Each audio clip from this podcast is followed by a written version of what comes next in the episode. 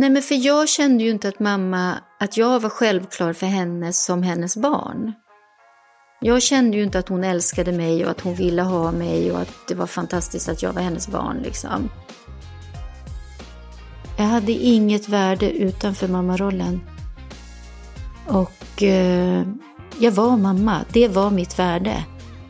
Och sen, vad gör man då när barn gör slut med en? Är man då värdelös? Och samtidigt så blev det så här, okej, okay, vem är jag om jag inte är mamma till mina barn?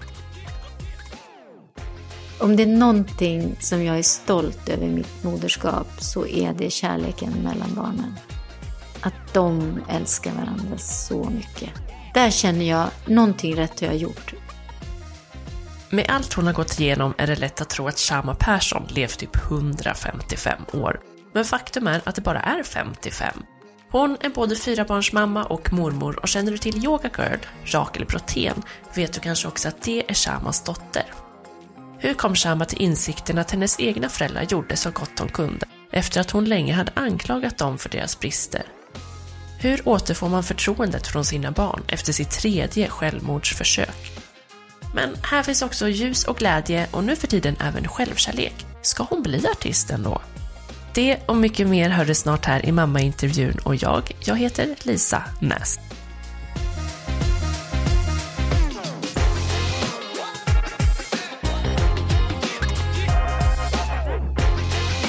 Rullar vi nu? Nu rullar vi. Men du, ditt namn, du säger Shama. Ja, Shama som ett kort A liksom. Just det, jag sa Shama. Ja, det är en del som gör det. Men det, är ju så, det blir ju så när man inte har hört namnet, ja, för exakt. det är lite ovanligt. Ja, ja för det mm. var ju inte det namnet du fick när du föddes. Nej, jag hette Margareta. Ja. Trivdes aldrig med det namnet. Jag har en syster som heter Elisabeth, en syster som heter Kristina och sen när jag kom så skulle jag heta Karl. Ja. De var helt övertygade om att jag var en pojke. Ja. Och så kom det en flicka till. Och då var det så här, eh, slut på drottningnamnen, så då fick jag heta Margareta. Ja. Trivdes aldrig med det. Nej. Och när fick du ditt eh, nya namn då? Jag fick det 2007 eller 2008 tror jag. Så det är ganska länge, det är typ 15 år sedan nu. Och jag bytte ett år senare. Mm. Så jag har haft det många år. Och nu de som, jag har egentligen bara två personer som inte säger mitt ja. riktiga namn, liksom vad jag heter nu. Ja. Och det är farmor och så är det en av mina bästa vänner. Ja. Vadå, din farmor? Nej. Nej, min näst yngstas farmor. Okej. Okay. Ja. Ja, som säger Margareta. Ja, precis. Och hon heter också Margareta, men hon kallar mig för MP. Okej. Okay. Alltid kallat mig för MP. Men var kom Shama ifrån då? Jag var på ett retreat, så att det är ett så kallat sanyasi-namn. Så att det var en ceremoni och eh, om man ville liksom delta i den ceremonin så var det mycket att göra ett avslut med det gamla och välkomna det nya och då fick man ett nytt namn. Mm. Och så mediterade de över den så gav de ett namn och så fick jag heta Shama. Mm. Och jag bara, aha. Och Shama, hela namnet är Prem Shama och det betyder Flame of Love. Alltså, vad säger man på svenska? Kärleksflamma eller ljus liksom. Shama betyder ljus. Mm. Eh, och prem betyder kärlek. Okay. Så det var liksom mycket att ta in där. Det kändes inte heller rätt i början. Nej. det är väl det. Fast de säger, de som, jag vet inte, som, som tror på det här, och att om man byter namn, att det finns en frekvens i namnet. Mm. Antal stavelser, hur det sägs och energimässigt och så vidare. Liksom. Mm. Så att jag tror att det ligger någonting i det. Mm. Att från att gå och heta Margareta till att heta Shama så är det en annan klang, det är en annan ton. Mm. Och för mig betyder det ju att jag sa tack och hej till ett liv som jag verkligen inte uppskattade. Mm. mm. Intressant. Du är ju i Spanien har vi precis pratat om här innan, mm. innan vi hade satt igång. Och både mm. jobbar och har lite semester. Ja, precis. Jag har en så kallad workation. Ja. Så att jag jobbar lite halvdag, jag har en del grejer bokade och sen så semestrar jag lite med lilla Charlie vid sidan av. Din vovve. Bara att vara i solen, det är... Ja. Jag, fick en chock. jag fick en chock när jag kom ner. Ja, jag förstår det. Nej, men det är verkligen så här, för att jag har inte rest sedan pandemin, jag har inte gjort så mycket liksom. Nej. Och sen när jag kommer ner och solen, det är 28 grader varmt, solen lyser, det är palmer, det är natur. Så första dygnet, nej, då var jag i chock. Mm. så här, Gud, kan det vara så här? Mm. Ja, för det är ju någonting med solen som gör att man blir lättare inombords. Mm. Jag blir det i alla fall. Och det är väl det jag vill pröva lite nu. Kan jag, liksom, kan jag driva en modellagentur på distans? Ja. Inte hela tiden. jag kan liksom inte vara borta. Jag har redan jobb som jag måste hem och göra. Ja. Men, eh, men mycket kan man ju göra på distans, absolut. Ja, verkligen. Mm. För det är Golden Age Models du jobbar med. Mm. Det är din, din nya grej. Ja, it's my pride and joy. Ja. Det är verkligen, det är så roligt. Vad pysslar du med då när du jobbar med det? Jag scoutar modeller. Mm. Ni har ju jättemånga. Behöver ni fler? Ja, alltså jag tror så här. Jag vet inte, för jag har inte drivit modellagentur innan, mm. så jag vet inte hur man ska tänka. Nej. Jag tänker att om man har en butik och skulle nöja sig och säga att vi ska ha 100 produkter i vår butik, då kanske inte det kommer så jättemycket kunder. Men om vi har tusen produkter eller om vi har liksom tre olika färger av varje produkt och så vidare, mm. då tror ju jag att det kommer vara mer vanligt än ovanligt att man går till oss när man vill ha äldre modeller, för alla är över 50. Mm. Med ett undantag som idag okay. har jag publicerat, vårt enda undantag. Som är hur gammal då? då? Hon är 43. Oj. Lammkött? Jag ska, berätta, nej, jag ska berätta varför. Vårt mål är ju att vara liksom en one-stop shop för äldre modeller. Uh i Skandinavien. Men den här lilla 43-åringen, eh, alltså hon är så himla fin. Hon heter Emilia och är trans. Mm. Och hon är så, alla måste gå in och titta på vår hemsida och titta på Emilia. Mm. För hon är så vacker, så fin. Och jag lärde känna henne i november och blev liksom helt tagen mm. av henne. Och bara frågade efter två veckor, liksom, jag måste bara säga du är så vacker, hur gammal är du? Och hon bara, tittar, tittar du på mig? liksom. Och jag bara, ja. Nej, men jag är 43. Och jag bara, skit. Mm. Och sen funderar vi två månader, hur ska vi göra för att hon ska vara med i agenturen? Mm. Eftersom vi har en enda regel och det är 50. Just det. Men då finns ju en regel som heter ingen regel utan undantag. Ja. Så då är hon det. Så att idag la vi upp hennes sida på, ja, på, på vår hemsida. Och, ja, men det är så mycket glädje i det. Det är så mycket glädje i det. Ja. Bara att hon vill vara med. Ja. Och, och liksom, för det här behövs. Alltså vår inställning till transpersoner är så... Nej men den behöver verkligen eh, uppgraderas. Mm. Verkligen. Mm, vad roligt. Vi ska inte prata så mycket om liksom modellandet, utan Nej. mer moderskapet ju. Och jag måste säga, jag är lite överväldigad. Därför det, det finns så mycket om dig, liksom. Det finns så mycket och jag har försökt att liksom läsa din bok. Eh, och så började jag läsa din dotters bok. Din dotter är ju, jag vet inte, hon säger Rachel om sig själv, men du säger Rakel, yoga girl. Ja, hon är ju döpt till Rakel. Ja. Ja. Men eh, det är väl samma sak som, jag kallar ju henne för Rakel, eller mm. hela familjen kallar henne för syrran. Ja. Hon är syrran med alla. Liksom. Ja. jag säger ju också syrran. Ja. Eller lilla strut, typ. lilla strut. Ja, men hon säger Rachel. Rachel, ja. Jag har i alla fall försökt att liksom eh, läs, läsa in mig här på era böcker de senaste. Du skrev ju en bok, jag vet inte, den som jag hade här i min app, den var från 2021. Mm. Nej, men det är den. Jag har bara skrivit en bok. Ja, precis. Kantstött och väldigt värdefull heter den. Mm. Mm. Och så läste jag lite i Rachels bok som heter To Love and Let Go. Mm. Uh, och ja, kom den 2019, tror jag. Mm. Det. det. var ju ditt um, första barn, Rachel. Ja, precis. Som du fick när du bara var 21, va? Ja, stämmer. Och sen fick du en son när du var 23. Ja. Hur var det för dig att bli mamma? Nej, men jag älskade det. Jag, jag har alltid älskat att vara mamma. Jag har alltid känt att det har varit eh, å ena sidan väldigt otippat för det var liksom inte, jag, jag har många gånger tänkt hur kunde Gud anförtro mig fyra barn liksom. Mm. Eh, men samtidigt så kan jag känna att det har passat mig väldigt, väldigt bra. Mm. Alltså jag har verkligen tyckt om att vara mamma. Jag tyckte att det var roligt att vara mamma. Mm.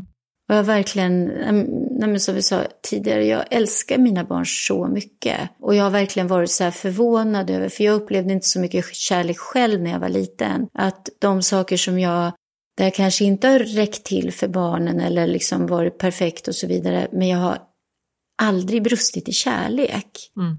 Och det är för mig så här, eh, den har jag så svårt att förstå, att man inte älskar sina barn. Mm.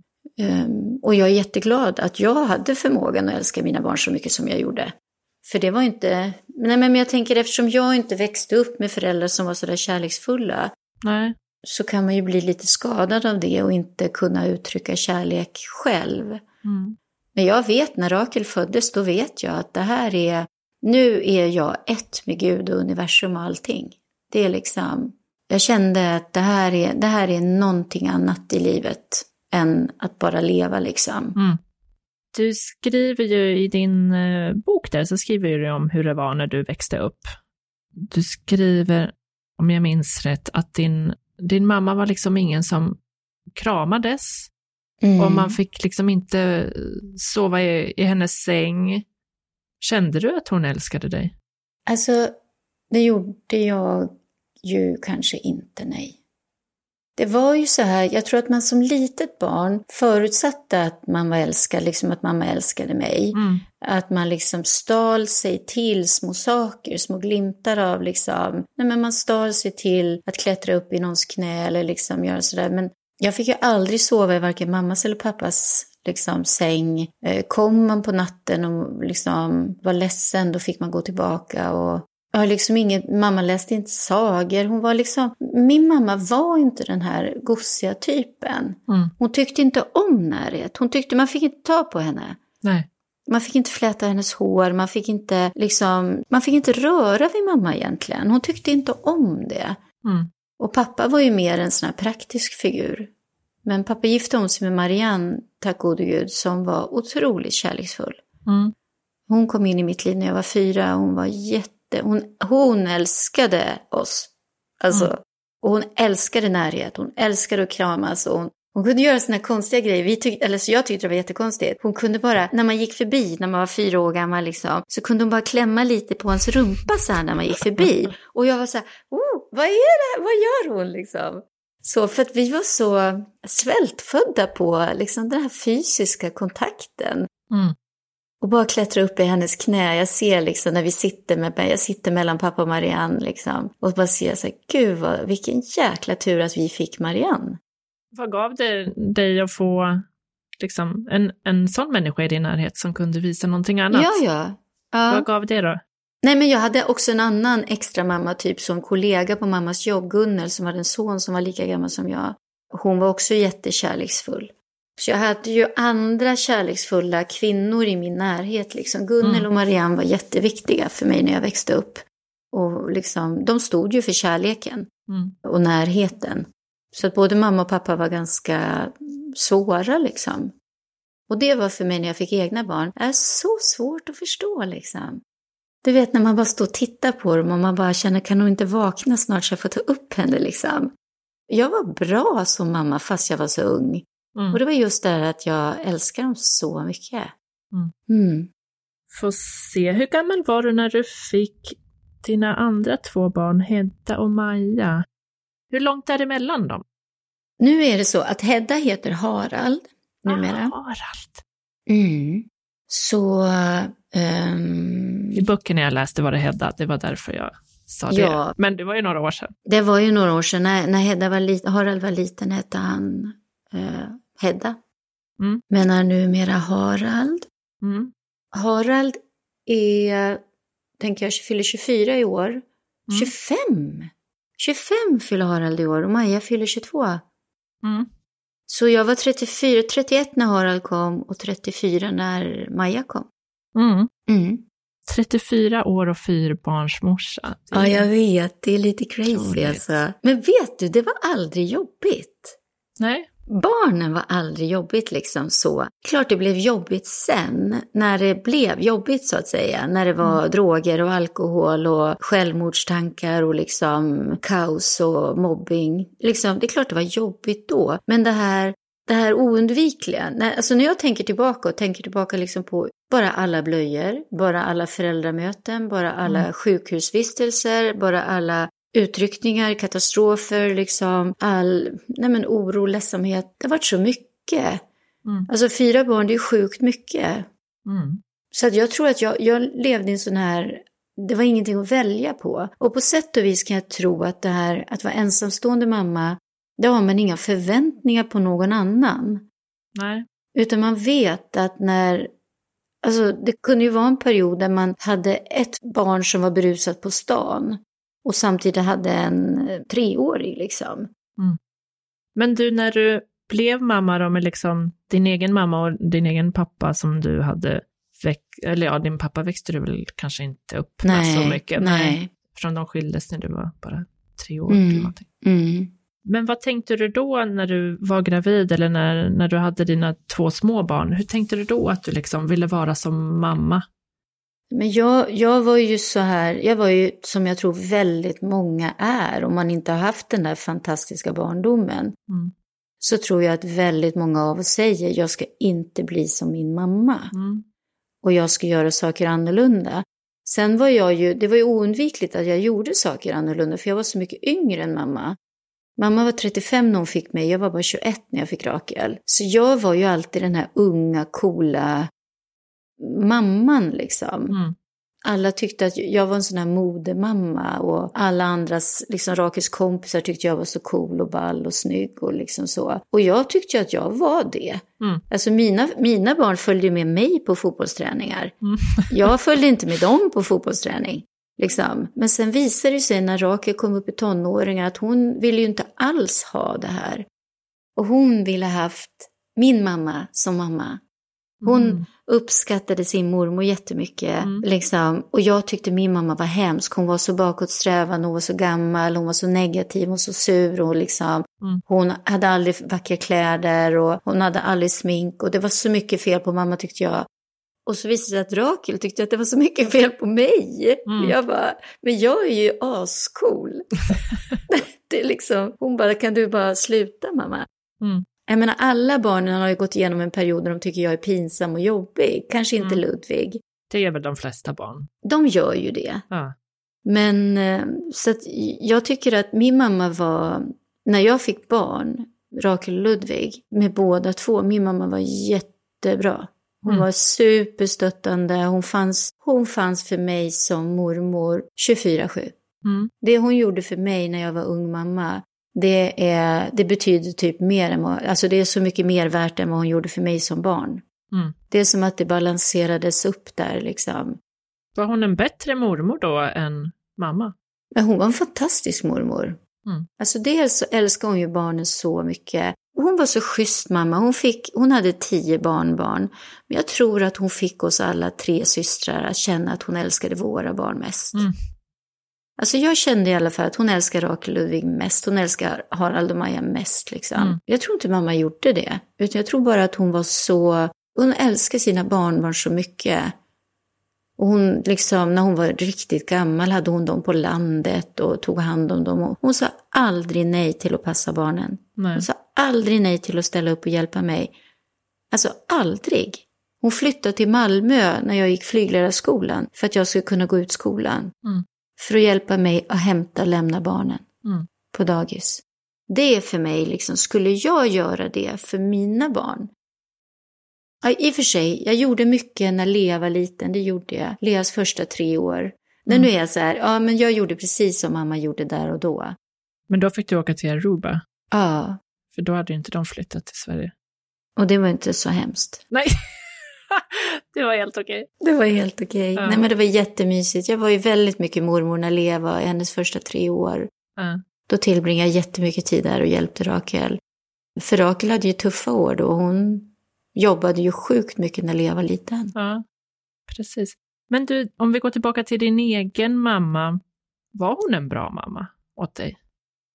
Alltså hon var ju den bästa mamma jag hade. Ja, du hade ju bara en. Det är ju också så här att eh, att det är så skönt att man inte att man förändras och att man läker saker och att man ser sina föräldrar i ett annat perspektiv när man blir äldre. Mm. Och att inte bilden av ens föräldrar fortsätter att vara färgad av det som kanske inte var perfekt. Mm. Utan att det liksom bleknar. Och jag ser snarare, jag kan se, jag kan liksom se nu storheten i min mamma, i det hon åstadkom, vad hon klarade på 70-talet. Mm. Hon var ju också ensam med tre barn, Mm. tre flickor. Hon pluggade när vi var små, tog examen, liksom utbildade sig, sökte jobb, sökte bostad, flyttade, fick inget underhåll, klarade sig själv, kämpade liksom. Mm. Och jag kan ju också se de kvaliteter jag har fått av mamma. Att jag har, underligt nog, om man nu kan ha en aktivistgen, Mm. så har jag fått den. Mm. Så att hon var alltid engagerad liksom. Och så var hon ju väldigt smart, klok. Mm. Och det var pappa också. Alltså de var ju otroligt duktiga personer. Så jag uppskattar jättemycket, mamma har lärt mig väldigt mycket. Mm. Och jag kan känna det här att det som brast kanske i kärlek, hon tvingade oss alla att spela instrument. Mm. Det var ju jättebra. Det är liksom, jag älskar att jag fortfarande kan spela instrument, att jag är musikalisk liksom. Vad spelar du? Jag spelar tvärflöjt. Ah, fint. Men jag tänker att jag ska bli artist snart. Ja, precis. Ja, det är liksom inte slut. Nej. Pappa var ju liksom, han var kirurg, han var liksom snickare, han var väldigt bra med sina händer. Och... Så jag tycker så här, att man kan ju också se då att okej, det fanns ju andra i mitt liv som gav mig kärlek. Det är klart jag hade blivit tryggare och inte varit så trasig om jag hade fått mycket kärlek hemma. Mm. Men nu fick jag mycket skills Mm. istället liksom. Och idag när jag är så här gammal och har liksom kunnat läka mina egna grejer själv, eller inte själv, med hjälp av väldigt mycket fina människor såklart, så kan jag känna att jag är väldigt glad att jag är som jag är. Mm. Att jag är så här kompetent. Jag hade inte klarat av att fixa alla mina barn själv om inte jag hade varit så kompetent. Nej. Och vem lärde mig att man klarar allting? Mm. Min mamma sa så här när jag blev gravid med Rakel och så var hon ju en av de första jag berättade för. Hon kom hem till mig och så sa jag att jag väntar barn och hon säger i vår familj kan vi alltid ta hand om ett barn. Det är inte ett problem. Och då vet jag att jag tänkte så här, Gud, vem är du? Liksom, det är som att hon visar, bekände färg för mig för första gången i mitt liv. Att det finns en kärlek i min mamma Mm. som är så stor så att i vår familj kan vi alltid ta hand om ett barn. Mm. Det är bara det att hon har inte haft förmåga att visa mig den. Nej. Och jag vet att jag tyckte det var helt så här, okej, så det är ju tack vare mamma att jag behöll Rakel. Men vad tänkte du då? då? För du säger att du tänkte, vem är du? Va- varför tänkte du så? Nej, men för jag kände ju inte att mamma, att jag var självklar för henne som hennes barn. Jag kände ju inte att hon älskade mig och att hon ville ha mig och att det var fantastiskt att jag var hennes barn liksom. Men när hon sa sådär, då kom det ju en annan sida av mamma. Det är liksom den här att hon, allt vad hon klarar. Mm. Hon kanske inte klarade av att älska, alltså visa kärlek. Men hon klarade ju av att ta hand om hundra barn om hon hade behövt. Ja, Liksom. precis, bokstavligen. Ja, bokstavligen så hade ju hon liksom... Jag kände okej, hon har någonting i sig som är en annan kvalitet Mm. Än det här att läsa sagor och natta och liksom pussa och krama och borsta håret på en Mm. typ. Det var någonting annat mamma hade. Och jag litar ju på henne. Ja, du gjorde det. Ja, jag litar på henne att jag kommer inte behöva göra det här Nej. själv.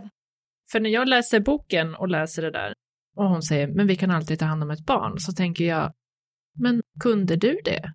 Alltså om, om din mamma tänker jag det. Men kunde hon det? Alltså ja, då kunde hon väl det då, bokstavligt. Hon kunde väl ge dig mat och kläder och få dig att överleva, men hon gav dig inte kärlek. Nej, men det är det jag tänker så här att, att, eh, att som jag säger, den här förmågan liksom att ta hand om barn Mm. på något sätt, det kanske också är någonting man har i sig, jag vet inte. Och det kanske är också så att vi är så otroligt fokuserade på kärlek, att det måste ha varit så liksom, ja men jag vet i hela min uppväxt så var jag så här, jag var så avundsjuk på de som hade hela familjer. Jag var ju den enda som hade skilda föräldrar, det var inte vanligt på den tiden. Nej. Jag var så avundsjuk på dem och deras samhörighet och de kom till fotbollsmatcher och körde, skjutsade, hämtade och lämnade. Min mamma var aldrig där liksom. Hon hann ju inte med någonting. Och jag avundades alltid så. Men nu idag så är ju jag den person jag är just för att det var så. Mm. Och det var ju klart att jag skulle ha det så, för annars skulle inte jag vara som jag är idag. Om jag hade blivit bortklemad och superälskad och gullad med och så, då kanske inte jag hade tagit för alla grejer. Jag hade kanske inte haft den här känslan av att, nej men alltså på något sätt, det är jag mot världen, eller ska jag göra något måste jag göra det själv. Mm. Och, och det kanske är så att vissa av oss behöver den kraften. Mm. Medan andra av oss behöver otroligt mycket kärlek. Och jag kan ju känna att nu har jag ett liv som är fullt av kärlek, som är extremt liksom mjukt och fint och harmoniskt. Och det kanske inte alla mina vänner som hade det så jätte, jättebra sina första 10-20 år har idag. Mm. Förstår du? Det är, som att, det är som att livet balanserar upp sig. Ja. För just nu tror jag inte, jag kan inte ha ett bättre liv. Vilket betyder att det var ju bra det som var. Mm. Det är det som folk säger ibland, att det är aldrig för sent att få en lycklig barndom. Nej, men det är ju så. Ja. Det är ju verkligen så. Och där, där är jag, vet inte om vi kommer in på det, men jag har ju jätte, jättesvårt för de som hänger ut sina föräldrar mm. i media eller i böcker eller i poddar eller någonting mm. sånt. För grejen är den att Nej, men jag tror ju att alla, även om jag kan säga mamma var inte en kärleksfull person, liksom. Mm. Det är ju inte att jag anklagar henne för det längre. Eller dum, det är bara fakta och hon kom ju från sin, alltså om inte mamma var det så var ju inte mormor. Så att jag kan ju verkligen känna att för varje generation som har gått, om jag tittar på lilla Lea nu som har tio vuxna på sig. Ja, ditt barnbarn alltså. Och tar för givet Alltså hon har så många vuxna som älskar henne. Hon är så älskad och hon är liksom, hon annekterar alla människor och tror att alla är till för henne hela tiden. Och jag bara tänker så här, okej, okay, den här generationen, den har fasen kärlek alltså. Ja. Ja. Och mamma flyttade hemifrån när hon var 17 och det var inte heller vanligt på den tiden. Och det hade också med mormor att göra tydligen, att hon inte ville ha kvar mamma hemma. Ja, okay. Eh, som jag förstår det. Mm. Så att det, jag önskar, det är synd att människor dör, för att när man är så här gammal som jag, då vill man ju veta allting, precis hur det var liksom. Mm. Och nu är mamma död, så att det finns ingen som kan berätta längre. Nej, hur var det för dig när hon dog? Mamma är, hon är som hon är. Hon var som hon var. Ja. Jag försökte ju verkligen på något sätt i, för jag hade ju börjat jobba med mig själv och liksom så här, försökte uttrycka kärlek. Det är inte lätt att uttrycka kärlek till någon som man upplever inte älskar en. Mm. Och som man inte har en naturlig sån här, jag älskar dig, jag älskar dig, jag älskar dig. Mm. Alltså med mina barn så är jag så här, jag älskar dig, det är liksom så naturligt. Men jag kämpade i alla fall med att säga och uttrycka till mamma att jag älskade henne. Så på hennes dödsbädd så säger jag, mamma, jag älskar dig. Och hon tittar på mig och så säger hon, och jag tänker inte tala om vad jag tycker om dig. Oj! Och du vet liksom, och min man då, han när vi åkte därifrån, han bara, jag är så ledsen för din skull, jag är så ledsen för din skull. Vad, vad kände du då? När du Nej men jag svaret? var ju ledsen, jag var ledsen, det är klart att jag blev ledsen. Att ända in i kaklet så ska hon neka mig sin kärlek liksom. Ja. Och samtidigt nu i efterhand så kan jag skratta och så kan jag tänka, fan vad mamma var ändå unik. Hon sålde inte ut sig själv liksom. Alltså ända in i det sista så var hon sig själv. Mm. Du vet, det, det liksom, hon var som mamma var. Mm. Verkligen. Mm. Och jag kan känna att jag tror inte att det betyder att hon inte älskar mig. Jag tror inte att det fanns något ont i mamma. Jag tror bara att hon saknade, hade inte förmågan att uttrycka kärlek. Liksom. Nej ja, underliga karaktärer vi har i våra liv. Ja. Och så älskar hon mina barn så mycket. Ja. Gossar med dem så mycket. Kallar Ludvig för lilla skinnviftaren liksom. Eh, och Rakel för sin lilla drakunge. Och du vet, hon var så gossig med dem. Skinnviftaren, det låter nästan lite snuskigt på något vis. Ludde hade fårskinn han sov på. Ja, okay. Och sen hade han det som sin snuttefilt. Och så ja. låg han på natten så här med sin napp och så låg han och viftade på sitt skinn. oh. Men du Shaman, när jag har här läst på om dig och lyssnat på dig och allting, så tänker jag ju, för du har varit med om väldigt mycket i ditt liv känns det som. Mm. Har du inte det? Svåra saker menar jag då. Det är liksom föräldrarnas skilsmässa där när du är tre, ni åker hux flux sätter er mamma er i bilen, ni flyttar till Uppsala från en dag till en annan, du börjar på en ny förskola och du minns att du sitter ensam i någon mörk korridor. Mm. Och sen får du egna barn tidigt och det är liksom stormiga relationer, uppbrott. Du träffar en pappa ny... dör också. Din pappa, pappa dör. får ju cancer och det, dör. När du bara var 15 eller någonting. Han fick cancer när jag var 15 och dog när jag var 18. Ja. ja, det är liksom den ena saken efter den andra. Och sen där när du är ung, 20 någonting, så träffar du ju en stor kärlek, Stefan, mm. som är mm. stridspilot. Mm. Och som går bort tragiskt i en flygolycka. Mm. När dina barn är bara några år gamla. Och sen fortsätter det liksom. Det, det är depressioner och det kan man ju förstå att... Ja, det kan man ju förstå efter det där, liksom, att man blir lite deprimerad. Ja, eller mycket. Ja, eller mycket, precis. Nej, men det, det var väl så. Jag tänker så här, nu, det sköna med att inte vara deprimerad, mm. det är att man inte minns hur det känns. Liksom. Nej. Man känner inte känslan i sig så att det bleknar det onda liksom försvinner. Men sen så kan jag säga att det liksom, det ena gav ju, alltså mammas och pappas skilsmässa den var väldigt svår för mig för jag var hemmabarn med en barnflicka liksom och mamma mm. som pluggade till socionom. Så jag var ju bara hemma. Mm. Och sen från en dag till en annan förlora pappa, förlora barnflickan, huset, hela mitt liv liksom och så hamna på dagis. Mm. Och det var hemskt för mig. Jag var ett sånt där barn som hatade dagis. Så det var, det var jobbigt. Och sen så vet jag att när pappa blev sjuk liksom och dog, då var jag ju riktigt strulig. Och jag blev ju bara ännu struligare liksom av det där. Mm. Fick liksom, jag fick ätstörningar, började dricka och låg med killar. Och, men flyttade hemifrån ett år innan pappa dog. Ja. Blev utslängd faktiskt. Av din mamma? Ja, hon orkade inte ha kvar mig. Sa hon det uttryckligen då? Så här, hon flyttade till Stockholm när jag fyllde 16. Och jag började på gymnasiet där och jag sänkte mina betyg från 4,0 till 2,5 på en termin.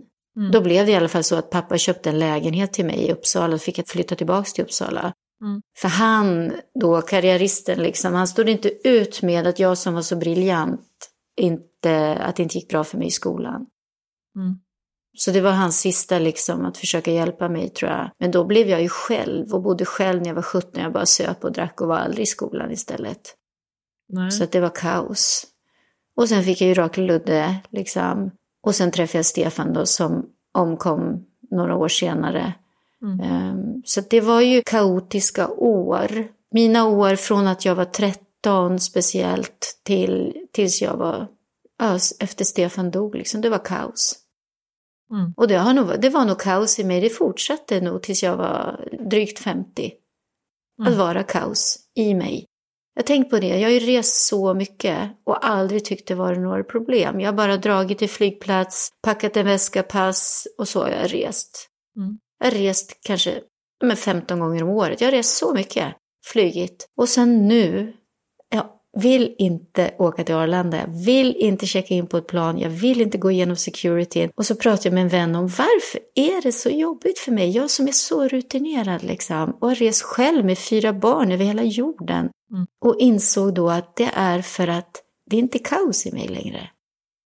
Och flyga innebär stress. Det är alltid något som kan gå fel. Och det går alltid fel för mig. Jag glömde handbagaget, såklart, eh, nu. Förut var det självklart. Det är klart att det går fel för det är kaos i mig. Mm. Så att jag märker att jag vill inte utsätta mig för stress. Jag utsätter mig inte för stress och jobbiga saker längre. För att det är inte kaos i mig. Det finns liksom ingen attraktionskraft i det. Jag vill ha frid och harmoni. Där mår jag som bäst liksom. Men att inte vilja flyga med, det är ju ett väldigt privilegierat problem. Absolut. Men, eh, men finns det inte någon stress i att starta en modellagentur då, till exempel? Nej. Inte? Nej. Det är ju bara roligt. Ja.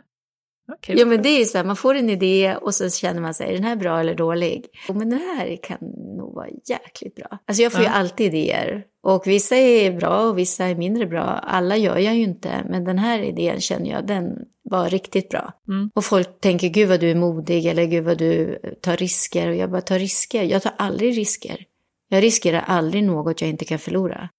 Så att starta bolag för mig, det är inte en risk. Det är bara mer så här, om det inte funkar så funkar det inte. Har jag haft roligt? Ja, det har jag. Har det kostat Mm. lite pengar? Ja, det har det. Men det är inte, jag står ju inte och faller med ett bolag. För andra kanske det är en jättestor risk Ja, att gå från, en, jag har ju varit egen, du vet, i 25 år snart. ja, Det här är mitt femte bolag, så för mig att starta ett bolag, det är så här, det är enklare än att packa och åka till Ma- Maldiverna. Och nej, jag tar inte risker, jag tycker inte om att ta risker. Men privat har du ju gjort det, om, om man bara tänker på liksom ditt eget liv. Jag har ju varit kaos. Ja, Hela jag har ju varit en risk. Alltså jag gick under benämningen fort men fel under en period. ja. Vad intressant, det brukar min mamma säga om sig själv. Det kanske Ja. är något man sa för, jag vet inte. ja, kanske. Hon är den enda personen jag har hört säga det faktiskt. ja, ja. Men, Ja. nej, men då, då var jag ju väldigt alltså, vårdslös. Förstår Ja. du? Inte riskbenägen, men tanklös. Det är också så, jag tror att det är en stor bit i det här att om man inte älskar sig själv så bryr man sig inte så mycket om utkomsten. Men jag tycker så mycket om mig själv nu så jag vill ha det väldigt fint. Jag vill ha det väldigt lugnt, fint, balanserat, roligt. Så. Hur började du tycka om dig själv då? Eh, det var inte snutet ur näven. Nej. Nej, det tog mycket, det tog mycket, många år och mycket terapi och många retreats och, och framförallt uppbrott från barnen. Var det det som behövdes? Ja, för mig var det det som behövdes. Varför det? För att jag var så identifierad med mammarollen. Jag hade inget värde utanför mammarollen. Och eh, jag var mamma, det var mitt värde. Mm. Och jag vet att det fanns de i min närhet som ifrågasatte det och som försökte berätta att ja men vadå, du kan ju inte bara, det, det, är liksom, det är inte bara det. Jo men det är mitt, det är mitt värde. Det, Mm. det är liksom mitt kall här i livet att vara deras mamma. Mm. Och sen, vad gör man då när barn gör slut med en? Är man då värdelös? Mm. Och samtidigt så blev det ju så här, okej, vem är jag om jag inte är mamma till mina barn? Vem är jag om jag bara är själv? Vem är jag om jag inte längre åker till Aruba? Vem är jag om jag inte längre är bjuden på middagar eller ingen kommer hit och äter middag? Mm. Vem är jag då? Mm. Och att gå in i de djupa frågorna, liksom existentiella frågor och ha privilegiet att ha vänner runt omkring mig som bekräftade mig att jag var någon och inte bara någon, att jag var en fantastisk person liksom, Mm. utan mina barn. Men det krävdes jättemycket verkligen. Det är klart att jag blev deprimerad av det också, men efter den, då skrev jag ju min bok faktiskt. Ja. Och det var också på något sätt läkning för mig att skriva boken och gå igenom och tänka till och liksom fundera över varför jag har gjort de här, varför har jag haft det så här och vad kan jag hjälpa andra som också har det så här. Mm. För jag tror ju att svårigheter, det finns liksom en gåva i alla utmaningar. Och jag tänker, det är ju ganska poänglöst att ha det så himla jobbigt och sen ta livet av sig och inte kunna bidra. Men jag vet ju, jag har ju försökt ta livet av mig tre gånger, jag vet att det är inte, det är inte meningen. För då hade jag lyckats liksom. Mm.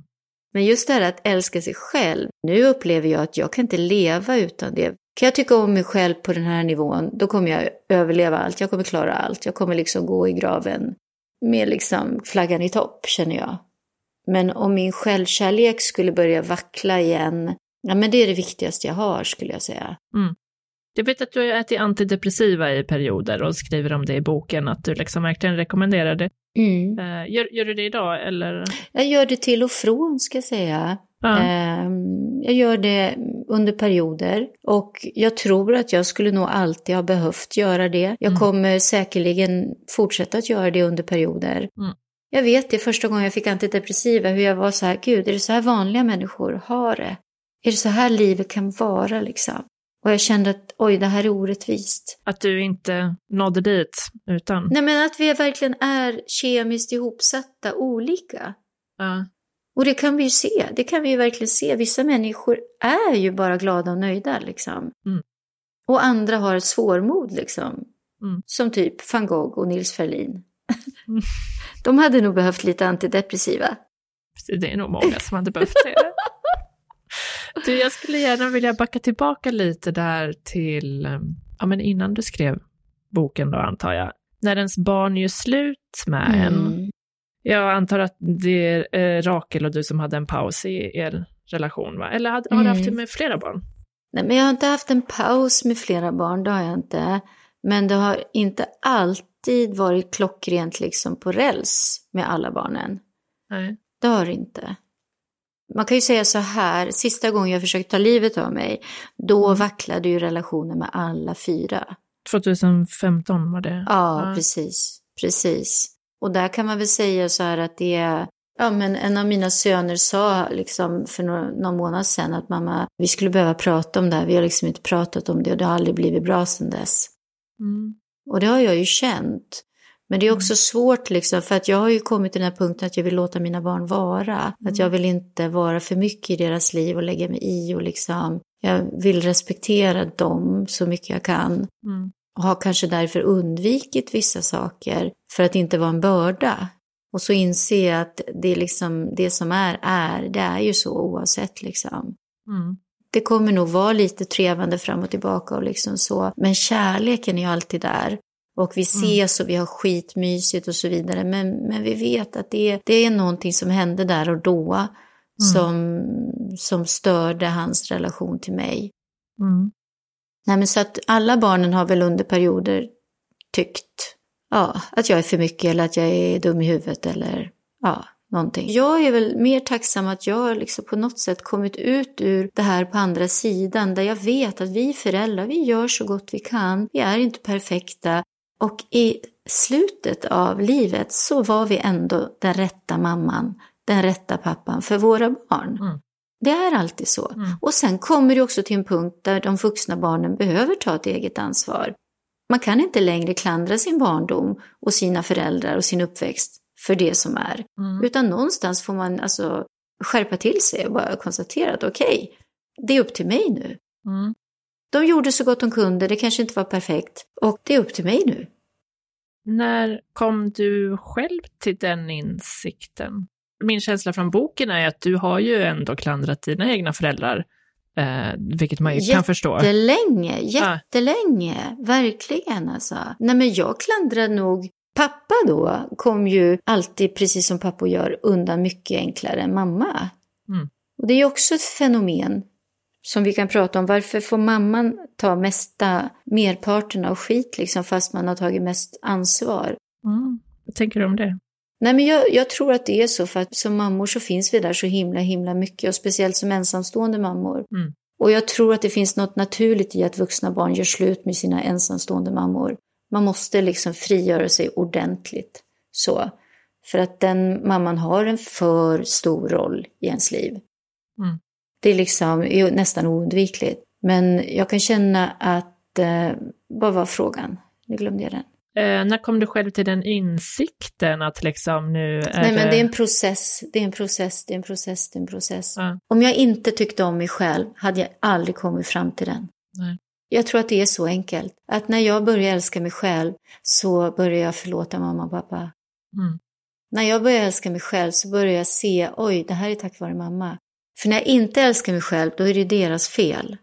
Att jag har så lågt självförtroende, att jag mår så dåligt psykiskt, att det inte har gått så bra för mig och så vidare. Mm. Men när jag älskar mig själv, då börjar det vändas till tacksamhet. Mm. Tack pappa för att du gjorde det här. Tack mamma för att du gav mig det här. Tack för att ni var så jäkla smarta och kompetenta. Att ni gav Mm. mig både muskler och hjärna liksom. Tack för de här generna. Och helt plötsligt, i takt med att min självkärlek växer, så växer kärleken till mina föräldrar. Och Mm. mamma, hon var så rolig. Vi hade ju skitjobbigt, verkligen. Alltså vi hade skitjobbigt. Från kanske jag var 11 till jag var, ja, Rakel föddes liksom. Du säger det och ler jättestort. Jo, men jag skrattar så mycket. För mamma, alltså på slutet liksom, åkte jag hem till mamma någon gång och sa jag, mamma, kan vi prata om när jag var ung och liksom, jag vill bara säga förlåt för de här sakerna, för att jag var så jobbig och för att det var liksom, och mamma bara, nej, nej, men det minns jag inte.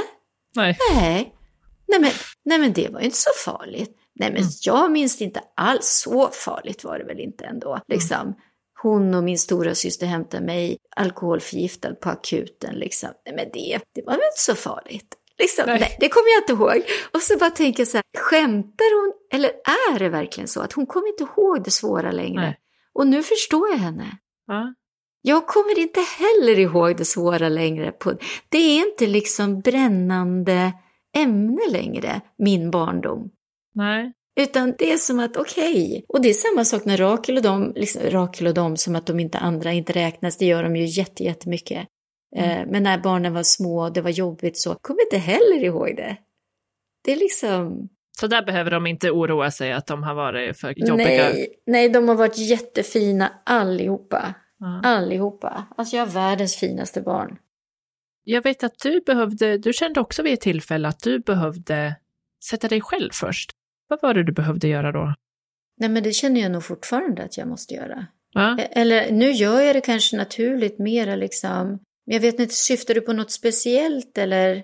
Nej, jag, jag, tror det var lite samma veva där kanske, eller samma eh, tidsspann. Att du... jo, men, jo, men för det var ju så att jag kände att gud, jag har, för jag, jag vet ju att när jag, när pappa blev sjuk mm. och fick cancer, då var jag extremt duktig i fotboll. Alltså jag var riktigt, riktigt duktig i fotboll. Jag var duktig i skolan, jag var ett A-barn på alla, alla sätt och vis. Och sen mm. gick allt åt helvete liksom. Rakel var ju också ett A-barn på alla sätt och vis. Men för henne mm. gick det liksom inte åt helvete så. Och jag kan känna så att den här potentialen som jag hade i mig, jag på något sätt vek alltid åt sidan för mina barn. För det var ju alltid någon som var mobbad, det var någon som misslyckades i skolan, det var någons pojkvän som hade gjort slut, eller det var någon som liksom var deprimerad. Så jag mm. var väldigt noga med att inte vara för mycket och för bra och skina och vara för vacker och liksom. Mm. Men nu kände jag för några år sedan att gud, jag har fortfarande den där potentialen.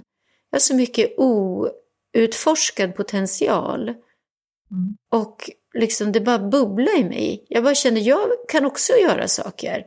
Det är inte så att det är bara mina barn som är briljanta, utan jag är också ett briljant barn som inte fick möjlighet att utforska de liksom, grejerna. Det var därför jag sa till dig, jag kanske blir artist liksom. Ja. Men jag känner nu så här, känner jag så här, nej men det finns inga gränser. Ålder är definitivt inte en gräns för mig. Nej. nej. Eh, det har jag också mamma att tacka för. Hon bytte karriär när hon var 60 liksom. Mm. Så att jag, jag känner liksom att det finns så mycket kvar att göra. Mm. Men hade det inte funnits plats då nu när du ser tillbaka? För man kan ju förstå att det liksom var fullt upp med fyra barn som du hade hand om mer eller mindre själv. Mm. Hade det inte funnits plats då för dig att ta lite mer plats eller? Men jag gjorde ju saker. Jag ska absolut inte säga att jag inte gjorde. Jag drev ju bolag. Ja. Jag älskar ju att driva bolag. Jag reste på mässor tio gånger om året. Mm. Jag hade skitmycket roligt i att bygga bolaget. Jag hade jättekul, verkligen. Mm. Och barnen växte ju upp. Lilla Maja föddes ju in i bolaget. Hon var loggan till mitt första bolag liksom. Och det växte och blev jättestort. Jag tyckte det var jättekul. Vilket bolag var det? Det hette Space Babies. Jag uppfann barnprodukter i det bolaget. Mm. Men det är många år sedan nu. Jag sålde det 2008. Det var där du tjänade massa Det miljoner? var där jag tjänade mycket pengar, precis. precis. Mm. Men så är det klart, jag hade ju jätteroligt i det. Det är roligt att bygga bolag. Mm. Det är det. Men om, om jag får fråga så här då, när man ändå har man var djupt deprimerad i omgångar och ändå liksom gått så långt att man har försökt ta sitt liv. Hur, hur hämtar man tillbaka det där som mamma? Hur hämtar man tillbaka relationen till sina barn när mamma har försökt dö? Alltså, man gör väl det. Så hur äter man en elefant? Det är väl lite så liksom. En bit i taget. Eh, det finns ju ingen quick fix. Det är liksom, det är som vilket förtroende som helst som raseras liksom. Det finns ingen quick fix. Mm. Utan det är väl ett liv liksom. Det är väl ett långt liv levt på något sätt. Jag var ju väldigt så här i början var ju väldigt liksom vad ska jag säga, nästan icke-autentisk. För jag var så mån om att nu måste, de skulle lita på mig igen. Liksom. Mm. Jag var så mån om att leva ett liv som var pålitligt så att de skulle lita på mig. Jag var så mån om att ställa upp och sen insåg jag att det spelar ingen roll liksom. Det är som det är ändå, typ. Mm. Och så kan jag känna nu att efter, liksom när jag, har när jag lever mitt eget liv nu, när jag är mig själv, när jag inte bryr mig så mycket om alla älskar mig eller inte älskar mig, eller om jag liksom eh, får vara med. Jag vill verkligen vara deras mamma, jag vill vara med, jag älskar vår familj. Mm. älskar barnen, jag älskar samhörigheten som barnen har. Och jag älskar de här nya konstellationerna med, liksom, med Dennis och med Majas Vincent och liksom Ludde hade en Emma. Jag tycker det är så mysigt liksom hur det bara utvecklar sig. Och vi har ju känt varandra så himla himla länge så när vi ses, vi har alltid så roligt. Alltså så roligt. Mm. Eh, nu glömde jag frågan igen. Nej, hur kommer man vidare? Ja. Och det är väl det jag tänker, att varje sån här mysig stund bygger tillit. Mm. Varje någonstans liksom vanligt liv ihop. Mm. Förut var det så här, jag måste visa barnen att jag inte är beroende av dem. Jag måste ha ett eget liv. Och nu är det så här, nej men gud. Eh, Raki bara messade mig igår. Jag frågade om hon kunde tänka sig att svara på några frågor från dig. Ja. Och då var hon inte sugen på det. Nej. Och så skrev hon, det var Lea som skrev först. Och då stod det, Hallå Momo, vad gör du? stod med versaler. liksom. Och så tycker jag det är så himla, liksom, det är så mysigt. Och jag tänker att alla sådana här små stunder liksom är, bygger på något sätt. Mm. Men jag kan känna att både, alltså de håller mig lite på avstånd. Det finns bara en som inte gör det, och det är min yngsta. Okej. Okay. Ja. Hon är snarare tvärsom, hon kan krypa in under mitt skinn liksom. Mm. Men så har det lite alltid varit. Du, din yngsta Maja, hon är yngst, mm. eller hur? Ja. Hon Majsan, ja. Um, jag frågade om hon ville bara ge sin syn på hur du har varit som mamma för henne. Mm. Um, vi har ju hört, ja men Rakel har liksom, hon har pratat och ni har pratat uh, här och var. De andra har man ju inte vetat så mycket om. Nej, de är privata. Ja, och det är okej. Nu ska vi se, vart har jag gjort av mitt mejl? Vad gullig hon är som svarar. Ja, vad fint att hon gjorde det. Jag var, jag var så mycket i valet och kvalet om jag skulle göra det eller inte. Jag tycker att det kan liksom tillföra någonting och samtidigt så kändes det som att jag inte riktigt hade tid och att jag kanske inte skulle Nej, få något fattar, äh, svar. Men jag ska säga här vad hon sa. Hon sa så fint. Vänta, jag vill se dig när jag säger det här. Ska jag börja gråta nu? Men du vill höra va? Ja, gud ja. Maja kommer hem varje vecka så har vi pizza night. Vi har en sån här rutin liksom. Ja, det är så mysigt. Nu ska vi se. Att ha Sharma som mamma är helt fantastiskt. Hon är en otrolig mamma som både har ställt upp och stått ut med mig i vått och torrt och jag är så tacksam och lyckligt lottad att jag har henne som just min mamma. Mm, gullungen. Och så frågade jag också hur hon har påverkats av liksom dina depressioner. Hon sa, jag tror tyvärr att jag påverkats ganska mycket av min mammas depressioner. Främst för att jag inte kommer ihåg att hon har gått igenom en. Jag har en tendens att förtränga och glömma traumatiska upplevelser och just mammas depression kommer jag inte alls ihåg. Det påverkar mig inte alls idag och vet inte hur det påverkade mig då, men idag ser jag min mamma som en glad och förhoppningsvis lycklig person. Mm. Och så frågade jag också vad du har för bra egenskaper som mamma eller som människa. Och så sa hon så här, hennes absolut bästa egenskap är att hon inte bara är min mamma utan också min bästa vän. Jag kan prata med henne om allt och inget. och vi umgås som att vi är bästa vänner, inte bara mamma och dotter. Det är för mig en egenskap jag värdesätter mycket högt. Sen är hon också hjälpsam och uppfinningsrik och kan lösa alla sorters problem. Fint va? Så gulligt, alltså så gulligt. Vad tänker du när du hör det? Nej, men Maja hon är så gullig, hon är som en liten, vad ska jag säga, hon har alltid varit som en liten musa liksom. Hon har alltid inspirerat mig så mycket och Maja fick ju mig själv i typ sju år. Hon flyttade ju sist, alla hade flyttat. Okay, så, och hon ja. Var, ja, så att hon bodde ju extra länge med mig, bara mig mm. liksom. Och vi, nej det har varit jättemysigt. Alltså, jag måste säga, det är underbart att vara mamma till Maja. Mm. Vi har så roligt. Det är just det, vi skrattar så mycket. Eh, Maja och Lunis är lite samma för mig, att jag blir så jäkla glad. Mm. Verkligen. Vi har så himla roligt. Och det är alltid så här, du vet om jag frågar Maja, vill du följa med på Coldplay eller vill du åka på semester? Och ja, ja, ja. ja. Hon vill liksom, och så kan jag bli så här, vadå ska du åka utan mig? Va? Det är liksom, ja men vadå ska du inte vara med Vincent? Ja, men mamma, Ja, men vem ska du annars ta med dig om du inte ska ta med mig? Ja. Om jag har fått två biljetter till något eller mm. så. Ja, vi är väldigt enkla skulle jag säga, Maja. Ja. Mm. Det är väl det också att hon inte kanske kommer ihåg saker eller att hon var yngst helt mm. enkelt. Mm. Det, är ju också, det har jag också lärt mig väldigt mycket, både från min egen barndom, för vi var ju olika åldrar när mamma och pappa skildes och när pappa fick cancer. Ja. Att det slog på oss, på, liksom, påverkade oss på olika sätt. Mm. Och så är det ju med mina barn också. Och de saker som de har gått Mm. igenom, de har ju varit, haft, varit i olika åldrar så det har påverkat dem på olika Mm. sätt. Och de är olika personer såklart. Såklart, såklart. Och de har olika pappor Mm. också. Det är ju också så, man ska inte glömma att de här barnen har allihopa varsin pappa. Med sina gener, med sin... Och det här är också en sak. Men inte de två äldsta va? Har inte de samma? Jo, de har samma, Ja, precis. men det är ändå varsin. Alltså. men det, det är ju också så att ofta så är det så att om man vuxit upp med en förälder så är det ju den föräldern som får mycket skit också. Mm. Men att den här frånvaron av en förälder, man tänker inte lika mycket på hur det har skadat barnen. Utan blir det inte bra för barnet så var det mammans fel eller pappans fel för det växte bara upp med den föräldern. Mm. Så det här tycker jag också är någonting vi behöver prata mycket, mycket mer om. Liksom. Den här, eh, jag kallar det för the dark side of motherhood, den här mörka sidan, kvinnofällan, att vi är så här, ja men jag fick ändå barnen. Mm. Och så sliter man och kämpar och man har inget underhåll och man klarar allting. Men är det verkligen bra för mamman och för barnen? Det, är liksom, det här är ett jätteviktigt ämne. Ja, verkligen. Men, men har man inget val så är det ju så liksom.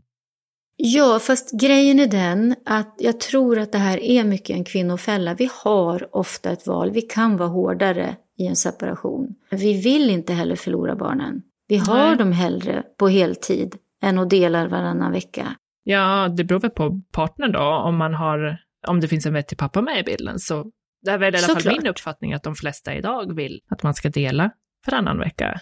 Ja, de, de som gör det, det, alltså det är ju väldigt sällan som en mamma inte gör det. Men det är ju fortfarande så att pappor inte tar samma ansvar Nej, som mammorna. det gör de nog inte på många sätt. Vi har inte kommit dit där det råder 50-50 liksom. Du menar i ansvar då, eller att I finnas där? ansvar efter en separation liksom. Och det var ju självklart mycket sämre när jag var ung. Mm. Liksom. Men vad jag menar är att jag kan känna att jag tog ansvaret för barnen. Men jag kunde ju ha stått på mig. Jag kunde ju ha varit, du ska ha barnen varannan helg. Mm. Du ska ta ansvar, du ska göra det här. Men istället var jag så här, okej fine, eh, om du inte vill, fine. Typ. Mm. Då har de det bättre utan dig.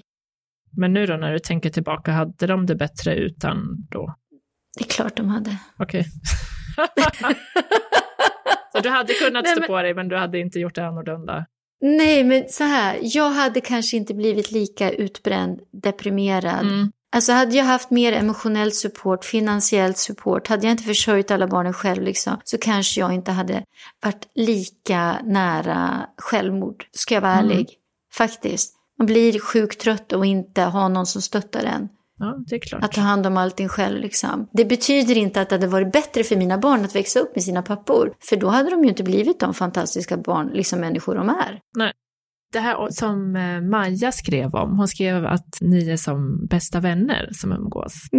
Har det varit liksom medvetet att du vill ha den relationen? Nej, nej gud nej. Och i ärlighetens namn så känner ju inte jag att vi är bästa vänner. Nej. Förstår du? Att det är liksom... Jag tror att det, det här är också hur vi är som människor. Mm. Eh, Maja, hon var lite blyg och hon liksom var lite introvert och, och hon var väldigt mycket mamma liksom så. Och sen nu är hon inte alls så längre. Du hör, liksom, hon sa ja direkt på svaret. Hon är bara, hon så utåtriktad, hon är så positiv, hon sådär. Men det här mammakopplingen, den är liksom kvar för henne. Och jag har alltid liksom, vi har alltid hängt ihop. Mm. Och vi har fortfarande roligt. Och, och det är ju det som är grejen, vi har alltid roligt ihop. Mm. Ehm, för hon är ju det enda barnet jag har som vill vara med mig hela tiden. Mm. Alltså hon är den enda som kommer varje vecka och vill umgås och mysa. Hon är den som ringer, mamma, var är du? När ska vi ha pizza? När? när? Liksom. Men vi är ju inte vänner så där, du vet att hon, att hon har kallat mig för Sham eller att hon liksom. Men hon älskar, hon älskar också att hänga med mina vänner. Hon älskar Okej. att följa med. Jag tror Maja kort och gott, rätt och slätt tycker om mig. Så. Och jag tycker om henne också. Ja, det var fint att höra. Jag ska skicka vidare det där till dig så kan du titta på det ibland. Och det är jättegulligt. Du, jag läste din blogg på Må bra, så tror jag att i alla fall en period här så agerade du något slags fosterhem eller någonting. Var det så? Ja, i tre månader så gjorde jag det. I höstas. Jourfamilj var jag. Jourfamilj, ja, okej. Jourfamilj var jag. Åt ett barn. Ja. Har du gjort det förut? Jag har gjort det en gång förut, 2017. Ja, varför har du gjort det? Nu gjorde jag det, nu gick de ju ut i 2022 tror jag, efter pandemin där, då gick de ut och sa att det var akut brist på jourfamiljer och familjehem. Och att det var så många barn som får illa. Och då tänkte jag, då aktualiserade jag min ansökan bara. Och så gjorde jag det och så blev jag godkänd och sen så, så fick jag en förfrågan Mm. i oktober förra året. Så jag hade en flicka på 14 som bodde hos mig i tre månader. Hur var det då? Alltså det var tufft. Det tycker jag. Mm. Det som är svårt, det är ju olika alltså. Det som är svårt att ta hand om andras barn, det är att de inte är dina barn. Mm. Och de har uppfostrats på ett annat sätt, de har gått igenom andra saker. Eh, ni delar inte värderingar och liksom beteenden och sånt, utan allting är nytt. Mm. Så att du måste lära dig allt nytt. Och sen så till saken hör ju att den här flickan kom från väldigt svårt och komplicerat liksom, liv. Mm. Eh, och sen så var hon under en process där det hela tiden, varje vecka var nya, nya samtal, nya utredningar, nya liksom, och osäkerhet. Ska hon få stanna eller inte? Ska hon tillbaka eller inte? Och liksom. Så det var en svår tid. Mm. Men vi träffas fortfarande, vi har ju fortfarande kontakt liksom. Och eh, hon bodde hemma hos mig för några veckor sedan och hon är jättesöt, jättesöt alltså. Och hon bara, alltså Sham, jag tycker ändå att vi gjorde ett bra jobb, både Mhm. du och jag. Liksom. Stort ändå att säga av en tonåring. Nej, hon, hon är skitgullig, alltså hon är skitbra. Jag alltså vill verkligen att det ska gå så himla, himla, himla bra för henne. Verkligen. Och jag vet samtidigt att jag orkar inte bränna ut mig. Hon frågade om hon fick komma tillbaka till mig. Hon sa, jag vet att du har sagt till mig förut att du bara är jourfamilj liksom. Mm. Hon sa, jag vill ändå fråga om jag får flytta hit igen liksom. Och då sa jag det att om jag skulle ta emot ett barn till i mitt liv, om jag skulle ansvara för ett barn till så är det du. Men jag tror inte jag har det i mig liksom. Nej. Jag tror inte jag har det som krävs. För det kommer bli svårt, det kommer vara tufft liksom. Och det har inte med dig att göra, utan det har bara med mig att göra. Verkligen. Och hon, hon förstår liksom. Eh, jag önskar att jag kunde säga absolut. Mm. Men jag känner verkligen att jag, jag har gjort mitt Ja. på vad det gäller liksom det stora ansvaret. Mm. Men det är väl fint om ni kan ha kontakt och att du ändå kan liksom vara en vuxen person som hon kan ty sig till om det Ja, behövs. det hoppas Utan jag att hon verkligen. måste Alltså. bo hos dig liksom. Nej men precis, och det finns andra sätt man kan liksom, jag menar jag kommer alltid bry mig om henne, kommer alltid vara välkommen hem hos mig liksom. Men det är en helt annat projekt att ta sig an ett barn och Mm. Liksom skola och gymnasiet och ja, du vet med allt vad det innebär och ja, men jag vet, jag vet ju vad det innebär. Mm. Det är ju det. Och det är ju en sak, jag vet ju vad det innebär med mina barn som jag haft från, som jag ammat liksom, som jag varit med varenda steg. Jag vet precis varför de befinner sig på fel plats vid fel tidpunkt. Jag vet vad som har lett upp till det liksom. Men i det här fallet så vet jag ju ingenting om vad som har lett till att saker och ting är för det här barnet så som det är. Och då är det så svårt att liksom, jag känner att nej, det är, önskar att jag kunde säga ja, men jag, där tänker jag ju på mig själv. Ja. Som du sa, när jag sätter mig själv först. Jag gör ju det. Men det är, väl, det är väl också så det ska gå till. Alltså, man önskar väl att andra liksom, jourhem kunde säga nej om, det inte, om man inte kan erbjuda det som man liksom borde. Men det är ju det sunda, men sen vet jag ju också, så vet jag ju också hur situationen är. Det finns inga familjehem, det finns inga, liksom, bristen är så stor. Mm. Alltså jag har en kamp i mig, för jag har ett stor, en stor lägenhet, jag har plats, jag har liksom, jag har ju kapaciteten, för jag har ju den. Och det finns inga alternativ. Mm. Man kan ju tycka att systemet skulle vara så att på varje jourhem så finns det ett familjehem. Men det är inte så. Mm. Jag vet inte hur ekvationen ser ut, men säg att det är 100 jourhem och 10 familjehem. Mm. Så att de här barnen måste flytta runt i olika jourhem. Mm. Och det, det är absolut inte bra. Nej, det är klart. Men inte enbart din situation att lösa. Nej, nej det är ju inte det. Och samt, samtidigt så, så har ju jag min kamp. Det här är ju min inre kamp liksom. Det är ju inte någon annan som behöver utkämpa den, utan det är ju jag som behöver prioritera mig då. Mm.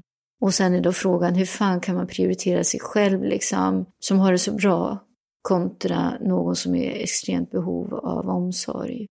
Ja, men tänk hur många då som aldrig har signat upp överhuvudtaget. Alltså, jag förstår att det där är en kamp i Ja, dig. men du förstår du vet, att det är liksom en kamp i mig. det finns så många människor som har liksom en stor lägenhet och som skulle också då kunna ta emot någon. Ja, ja, ja, ja, ja, absolut. Eller som har liksom pengar i överflöd. Mm. Eller liksom. men, men vi är olika och jag kan också känna så här. Det här är nog en mamma, någonting jag har från min mamma. Mm. Det här, vi kan alltid ta hand om ett barn liksom. För jag har varit likadan med mina barns vänner när de har haft det svårt också. Mm. Tagit hand om mycket. Men där jag också känner så okej, det är så här man bränner ut sig. Det är Mm. så här man går från att ha det här bra livet jag har till att jag känner att livet är en börda liksom. Mm. Nej, jag tror att mitt liv ska vara mer guldkant numera. Mm. Mm. Ja, det förtjänar du väl alla gånger. Ja, det förtjänar vi alla. Men du, ehm, hur känns det nu då efter vi har pratat om allt det här? Oj, men alltså jag känner, jag känner lite så här också att mitt förflutna, det är verkligen i mitt förflutna. Det är inte aktuellt längre. Mm. Det är liksom, det är så skönt att veta att livet är som ett oskrivet blad liksom. Att kommer man förbi det där på något sätt, kommer man förbi all liksom harm och skuld och ångest och stackars mig liksom och så, så är Mm. plötsligt det ett helt annat liv som väntar och som är helt öppet.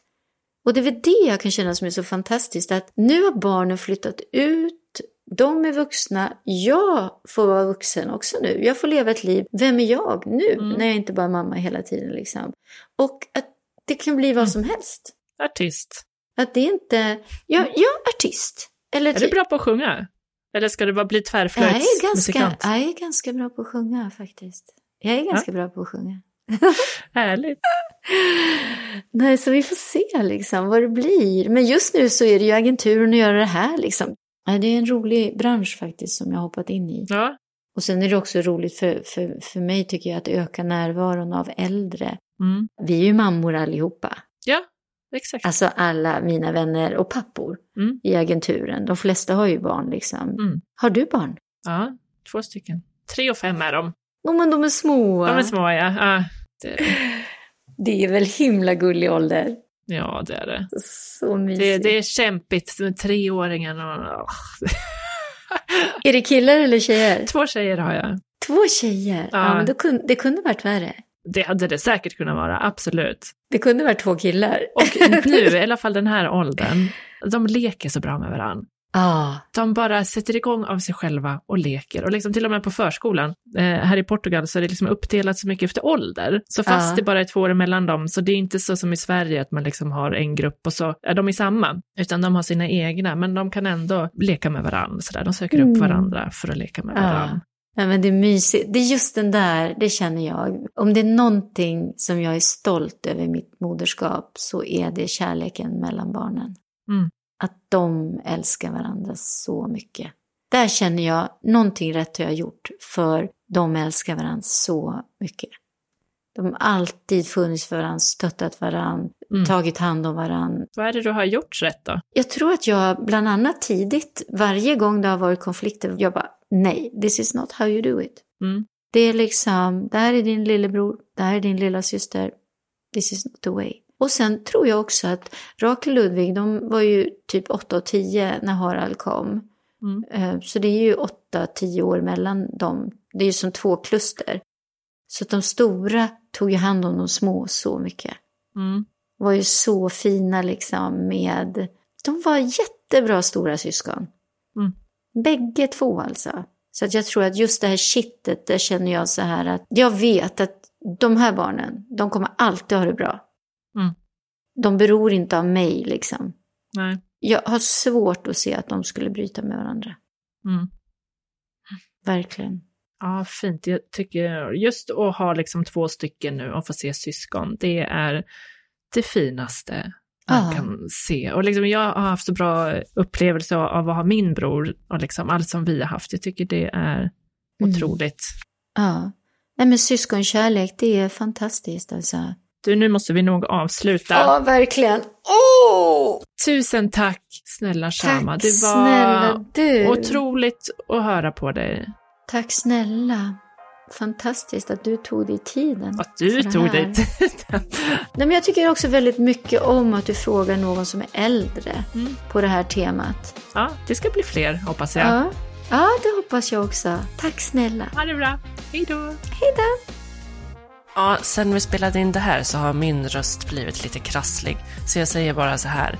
Gå in och följ mammaintervjun på Instagram och hoppas att du tyckte det här avsnittet var bra. Tipsa gärna en vän som borde lyssna. Hej då!